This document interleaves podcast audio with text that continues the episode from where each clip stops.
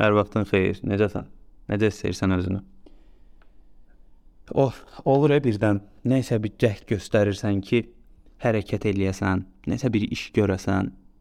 Ətrafında olan insanlar, yaxınları, öz fikirləri səni dartır belə. Bir bütövləşib tam ola bilmirsən.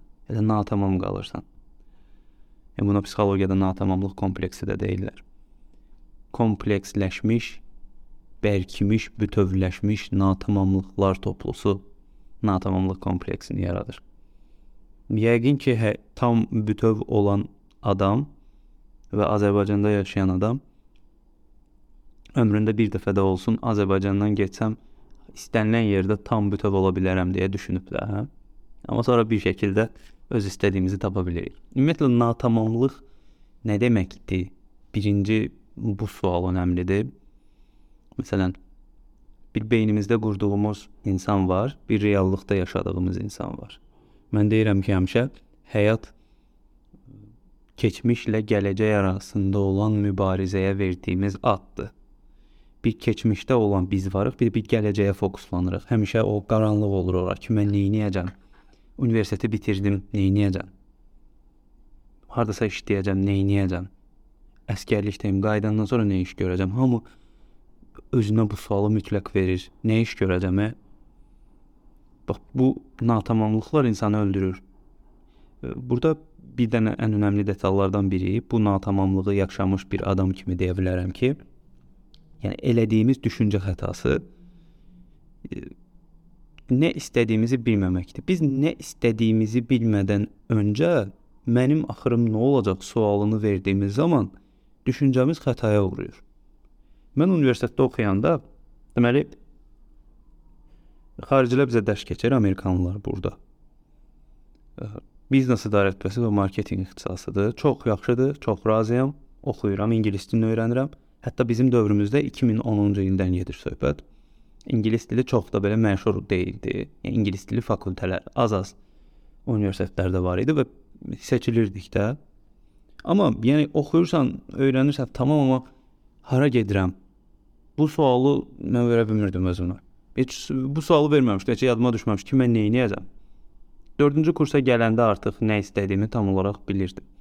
Biz həmişə istəyirik ki, ə, kimsə bizə bir şey desin və mən onu istəyim. Amma biz çox zaman mən nə düşünürəm, nə ortaya qoya bilərəm. Burada nə istehsal edib ortaya çıxara bilərəm fikrini yaratmırıq. Yəni əksər hallarda.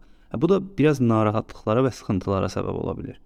Bu baxımdan bu prosesi doğru tənzimləmək üçün indidən düşünmək lazımdır. Məsələn, podkastı bitirəndən sonra dəftəri götür, qələmi də götür və başla.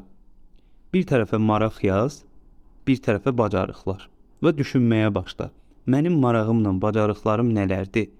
Nəyi bacarıram? Nədir maraqlarım? Bacarıqlar səni A nöqtəsindən B nöqtəsinə apara biləcək şeylər nəzərdə tutulur.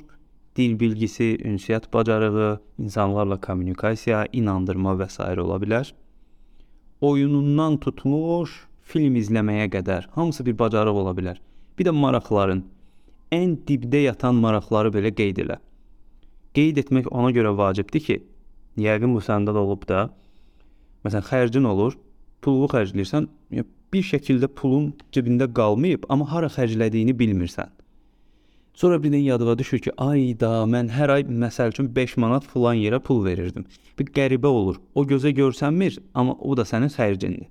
Bax bu maraq və bacarıqlar da belədir ümumi baxanda deyirsən ki, əşi 3-4 marağım var, 3-4 də bacarığım da. Yəni bundan o tərəfə yoxdur ki. Amma onu ki dəftərə qeyd edirsən, ha, onun haqqında düşündüyün zaman o ən beyninin ən dibində olan şeylər qarşına çıxır və sən onu yaza bilirsən ora. O qədər önəmli detaldır ki. Bunu yazdın, sonra düşünməyə başla ki, maraqlarımla bacarıqlarımı bir-birinə necə assosiasiya edə bilərəm? Yəni birləşdirə bilərəm. Uyğunlaşdıra bilərəm, əlaqələndirə bilərəm. Niyə bunu deyirəm? Çünki ə, e, insanın o ə, e, natamamlığını aradan qaldıra biləcək əsas detal maraq və bacarıqlarını bir-birinə birləşdirməsidir. İkisinin balansını bir şəkildə tuta bilsən, bu istədiyin o tamlıq, bütövlük məsələsini aradan e, ara, həll eləyə bilərsən. Deyəcəydim aradan qaldıra bilərsən. Həll eləyə bilərsən. Məsələn, mən kofe çox xoşlayıram. Hər ay kofeyə 700-800 manat pul xərcləyirdim. Yəni qonaqlarım olanda lap çox. Gündə 3 dəfə içirəm də. Kofe shoplarda bahadır. Mən indi bunu Aeropress ilə əvəzləyirəm. Aeropress dəmləmə üsuludur. Amerikano içirəm. Gündə 2 amerikano içirəm, bir də uzağı axşam ola bilər ya da ola bilməz. Mən deməli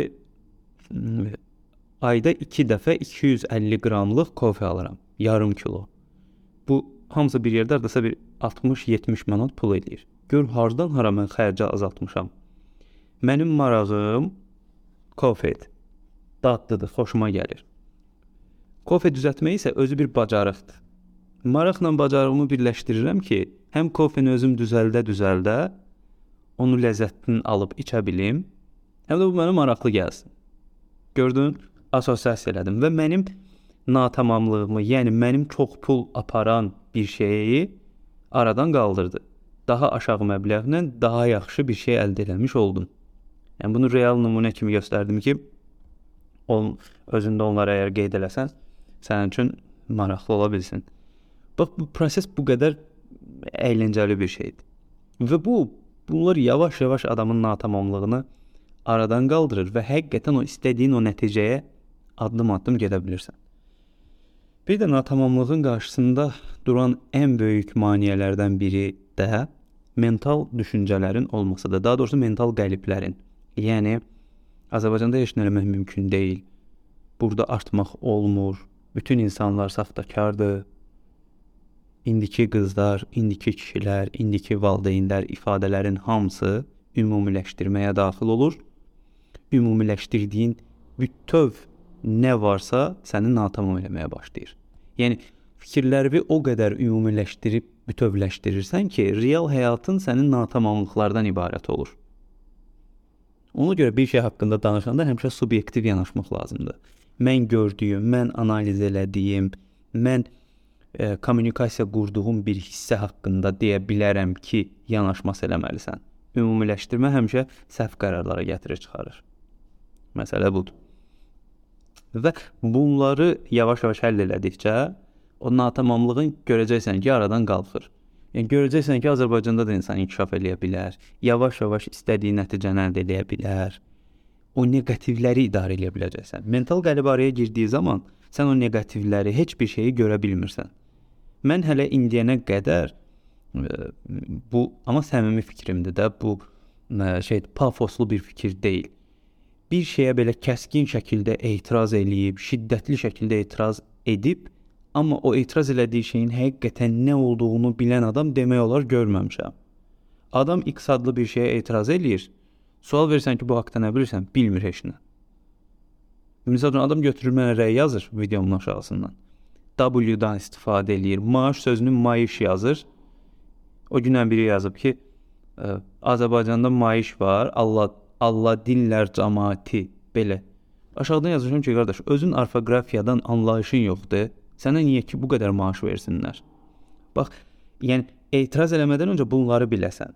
Bax, natamamlıq bizə dayanmadan etiraz, etiraz, etiraz elətdirməyi öyrədir və biz doğru şəkildə gedib istədiyimiz yerə çata bilmirik. Bax, sənə demək istədiyim budur. Bunun haqqında düşünmək. Başqa variant yoxdur. Okay, razı deyilsənsə çıx get xaricə kimlənsə evlən, iş qur, nə qaç. Amma həll olunacaqmı yoxsa yox? Məsələ natamamlığı özündə həll elədikdən sonra tam qərarlar verməkdir.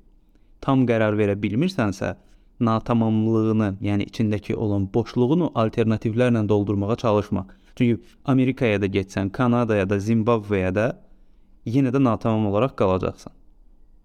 Belə. Bilmirəm nə dərəcədə faydalı oldu bu söhbətim sənə yoxsa yox. Düşünürəm ki, effektiv bir nəticəsi olacaq. Fikirlərin olsa mənə yazmağı unutma. Bütövləşməyə doğru getmək lazımdır. Çünki ən önəmli şeydir. Növbəti podkastda görüşərik. Özünə yaxşı bax.